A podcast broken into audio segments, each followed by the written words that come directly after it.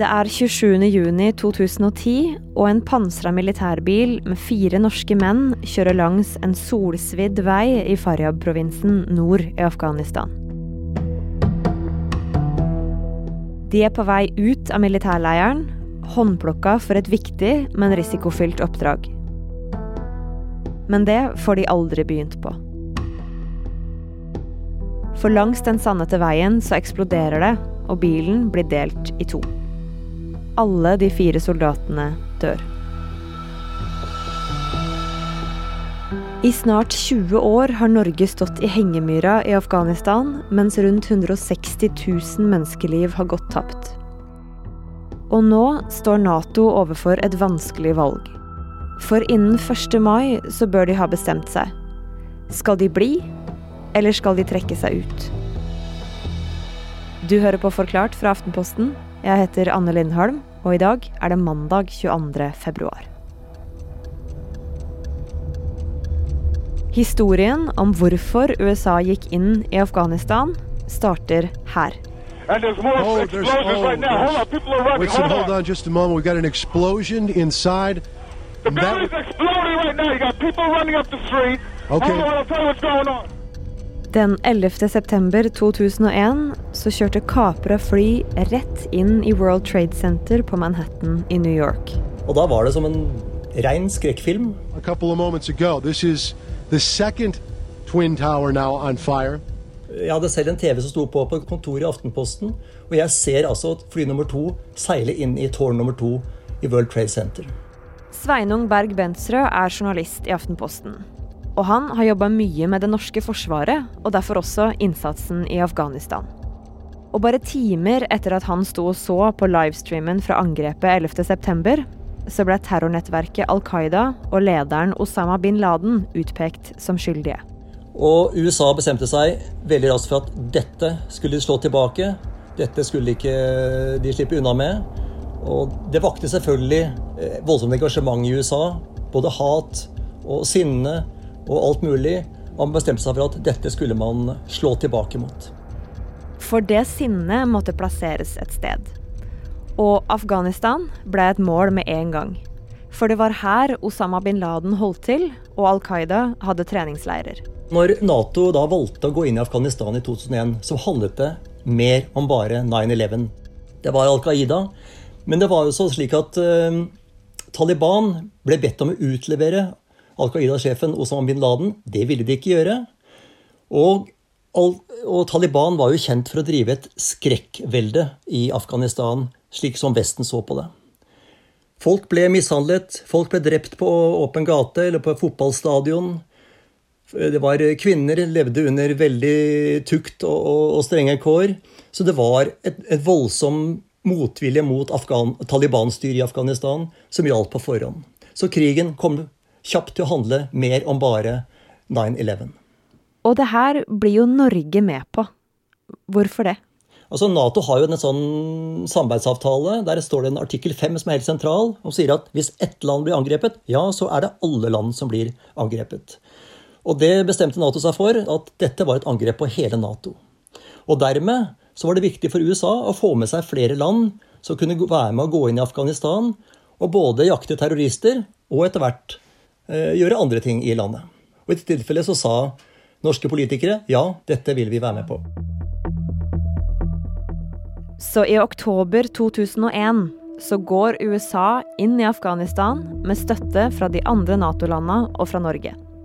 På det meste skal det komme til å være 130 000 soldater i landet fra 50 forskjellige land. Til å begynne med så går det ganske bra ut fra det målet man hadde satt seg, nemlig om å slå ut eh, Al Qaidas eh, opptreningsbaser i eh, Afghanistan. Norske styrker er med på dette, amerikanske styrker, andre styrker. Det, det bombes med fly, man jakter på bakken, man finner disse basene. Og man klarer å ikke bare på langt på vei knekke Al Qaida-styrkene, men også å svekke Taliban kraftig. Så det var rett og slett litt optimisme, da. Ja, rent militært så var det optimisme på den tiden. Man lykkes med å slå, slå ut eh, en del Al Qaida-baser. Og man lykkes med å, å tvinge Taliban litt på retur. Men så, rundt 2002-2003, når vi var ferdig med denne første delen av det, det, som kalles et oppdrag, ja, så endrer Nato retning. De vil bli der, de vil gjøre mer for Afghanistan, prøve å stabilisere landet, prøve å sørge for at noe sånt nå ikke skjer en gang til. Men det gikk ikke etter planen.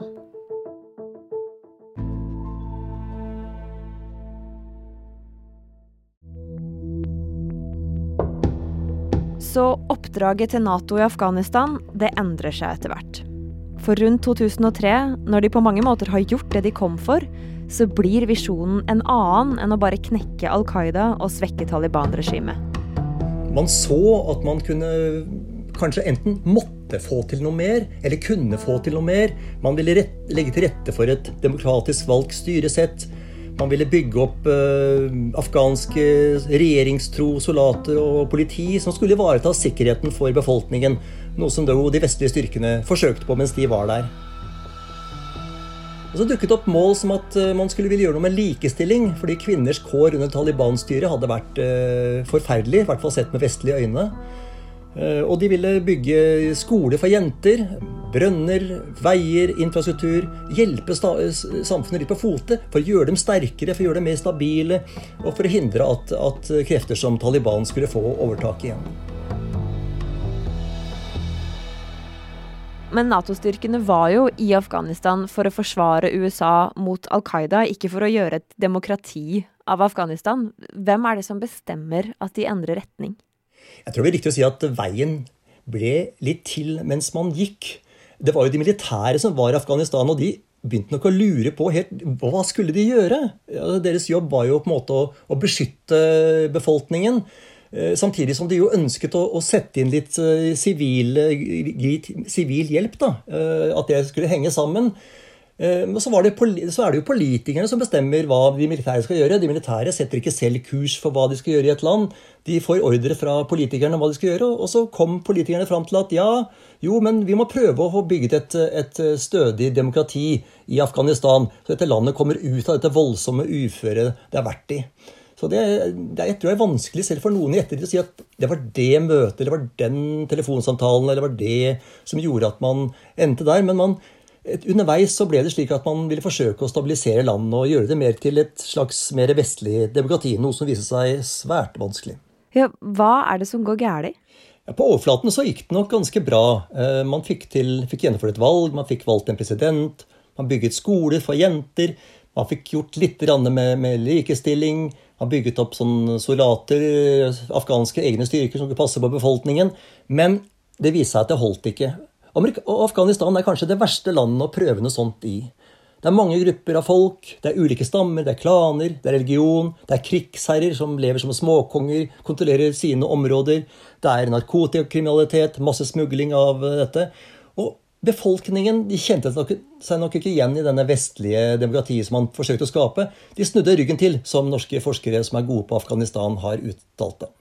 Så de vil rett og slett ikke ha et vestlig demokrati på Natos premisser, på en måte? De har levd i, et utrygt land, i krigsherjet land, i ikke bare tiår, men i faktisk i flere århundrer. Og de er vant til bare at eh, de må sikre seg at de holder seg inne med de som bestemmer den neste dagen, den neste uken. Så det å få et sånt vestlig demokrati eh, ja, hjulpet nedover seg, det var de ikke klare for. Befolkningen ønsket det ikke. Likevel så trodde i hvert fall norske politikere at operasjonen i Afghanistan snart nærma seg slutten. Jeg var til Afghanistan i 2012, faktisk på den symbolske datoen 11.9.2012. 11 år etter 11.9. Da reiste jeg sammen med forsvarsminister Espen Barth Eide og mange andre norske fresefolk, fordi en norsk eh, kommandoleir i Nord-Afghanistan, Faryab, skulle overlates til regjeringsstyrker. Jeg mener vi har bidratt sterkt til å styrke eh, de sivile myndighetene representert ved guvernøren. Nå er det en ny guvernør. Og det var optimisme. Barth Eide sa vi har bygget opp eh, høy moral hos de afghanske styrkene. Eh, men han tok nok altfor hardt i. For Taliban var ikke knekt, og krigen har fortsatt etter 2012 og helt fram til nå. For nesten hver gang vestlige styrker trakk seg ut av et område de følte de hadde oppnådd kontroll i, så kom Taliban tilbake. De vestlige styrkene har blitt hengende i en evighetskrig, og det har blitt verre for de sivile enn på lenge. Men så, For ganske snart ett år siden så signerer USA og Taliban en fredsavtale. Der står det at amerikanske soldater skal være ute av Afghanistan innen 1. mai 2021. Så spørsmålet er hva resten av Nato-landa skal gjøre. Jeg tror man vil vise til hva Nato-sjef Jens Stoltenberg har sagt om det. Han sier det er et forferdelig dilemma. Altså, Går man ut, ja, da risikerer man å miste det man har fått til, da, tross alt. Eh, både av endringer av samfunnet, og av det goder, og av infrastruktur og jenteskole osv. Alt dette risikerer å ryke. Men blir de, ja, så kan det bli enda mer vold. Og de vestlige styrkene kan bli angrepet hardere av Taliban igjen, noe de som ikke har vært tilfellet de siste månedene, mens man har hatt en foreløpig fredsavtale. Altså For Nato så finnes det helt klart ikke noe enkelt svar. På det meste så var det 130 000 soldater som var i Afghanistan.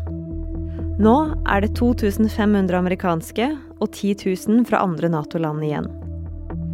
Og i forrige uke så hadde forsvarsministeren i Nato et møte for å snakke om hva de skulle gjøre. For 1. mai nærmer seg, men enda så har de ikke kommet nærmere noen løsning. Defense ministers had a thorough discussion uh, on the situation in Afghanistan. We are faced with uh, many dilemmas, and there are no easy options. At this stage, we have made no final decision on the future of our presence. Så etter nesten 20 år i Afghanistan så har jo ting på mange måter blitt verre, Sveinung. Har Nato rett og slett driti seg ut her? Jeg vil lytte til uh, Norges forsvarssjef, Eirik Kristoffersen, som selv var soldat i Afghanistan fra 2002, januar, og har vært der mange ganger og følger med fortsatt, selvfølgelig. Og han mener at mye var feilslått. Han sammenligner det med Libanon, der også de allierte skulle hjelpe lokalbefolkningen eh, på 70-, 80- og litt på 90-tallet. Og der vant man befolkningens tillit. Han sier det har vi ikke lykkes med i, i Afghanistan. Så på mange måter er det feilslått.